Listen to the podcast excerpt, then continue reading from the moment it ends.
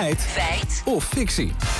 Over boeren en duurzaamheid. Ja, er wordt zoveel over gezegd en geschreven. Daar, daar, daar kunnen we bijna niet tegenop. Factchecken. Nee, we nee. draaien overuren. Absoluut. En we hebben keuzestress. Ja, Ja. inderdaad. Nee, de redactie die is eh, kei druk bezig deze week.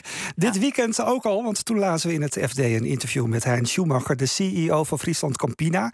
En hij zegt dat dierlijke zuivelproducten ook de komende jaren nog flink hard nodig zijn. Ik citeer: Als iedereen vanaf vandaag alleen nog plantaardig eet, hebben we drie en een halve aarde nodig om de wereldbevolking te voeden. Nou, dat zijn we gaan uitzoeken. Wat, wat was de eerste reactie van wetenschappers? Ja, we spraken allereerst universitair docent milieukunde Paul Berends van de Universiteit Leiden. Hij schreef een paper over dit onderwerp.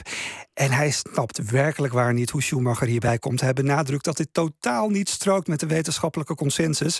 Hij spreekt helaas geen Nederlands, dus we hebben het ook nog even aan andere experts gevraagd. Ja, en hoe denken die over die uitspraak van Schumacher? Nou, laten we beginnen bij Jan Willem Erisman. Hij is hoogleraar Environmental Sustainability, ook wel bekend als de stikstofprofessor van Nederland.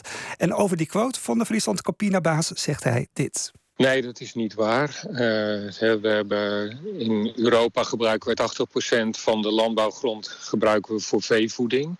Eh, een groot deel van die grond is ook geschikt voor akkerbouw. En eh, dat levert dus een behoorlijke hoeveelheid eiwitten op als je dat alleen voor menselijke consumptie zou produceren. Nou, dat is duidelijk. Het is niet waar, zegt hij. Op al die akkers kunnen we dus prima eiwitrijk plantaardig voedsel verbouwen. Ja, en het mooie aan die plantaardige eiwitten is dat dat volgens Erisman alleen maar effectie- efficiënter zijn. Het gaat natuurlijk ook over al die vruchtbare grond die we nu voor akkerbouw gebruiken. Maar die akkerbouwgewassen gaan naar veevoer. Die gaan naar varkens en kippen. En ook voor een deel naar, naar eh, koeien trouwens. En als je daarvan afziet, hè, voor een groot deel... dan heb je heel veel grond vrij om juist die menselijke voeding direct eh, te leveren. Ja, de andere wetenschappers, hè, bevestigen die nou wat, wat Erisman zegt? Ja, bijvoorbeeld eh, Jerry van Dijk, hoofddocent Milieuwetenschappen aan de Universiteit Utrecht.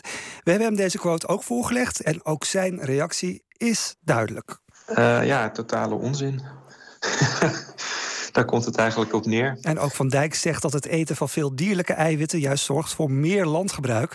Want het is simpelweg efficiënter om de gerst, tarwe, mais en soja als mensen zelf te eten dan om dit eerst te voeren aan dieren en vervolgens die dieren dan weer te gaan eten. De wetenschappelijke literatuur die ik er zo snel even op heb nageslagen, die, eh, die geeft aan dat eh, als je helemaal zou stoppen met eh, dierlijke producten, dus echt een vegan dieet, dan eh, daalt het aantal hectare dat je per persoon nodig hebt om, eh, om die mensen te voeden. Veel efficiënter dus, dat zegt ook biochemicus Harry Eiking. Hij is verbonden aan het Instituut voor Milieuvraagstukken van de Vrije Universiteit. En hij zegt dat er door veeteelt juist veel plantaardige eiwitten verloren gaan. Die stoppen we dus in dieren. Wat er dan dus aan eiwit overblijft vanuit die voedergewassen, wat dan uiteindelijk in de menselijke mond terechtkomt, dat is ongeveer een zesde. En die andere vijf zesde, 85 procent ruwweg, die flikker je dus gewoon weg. Oei. Ja, de, de, de CEO van Friesland Campina beweert dus dat we 3,5 aarde nodig hebben als we stoppen met het eten van dierlijke zuivelproducten. Eh, een feit of fictie? Ja, ik weet niet wat hij gedronken heeft, maar het was zeker niet melk voor Friesland Campina, want het is overduidelijk fictie. Alle experts die we gesproken hebben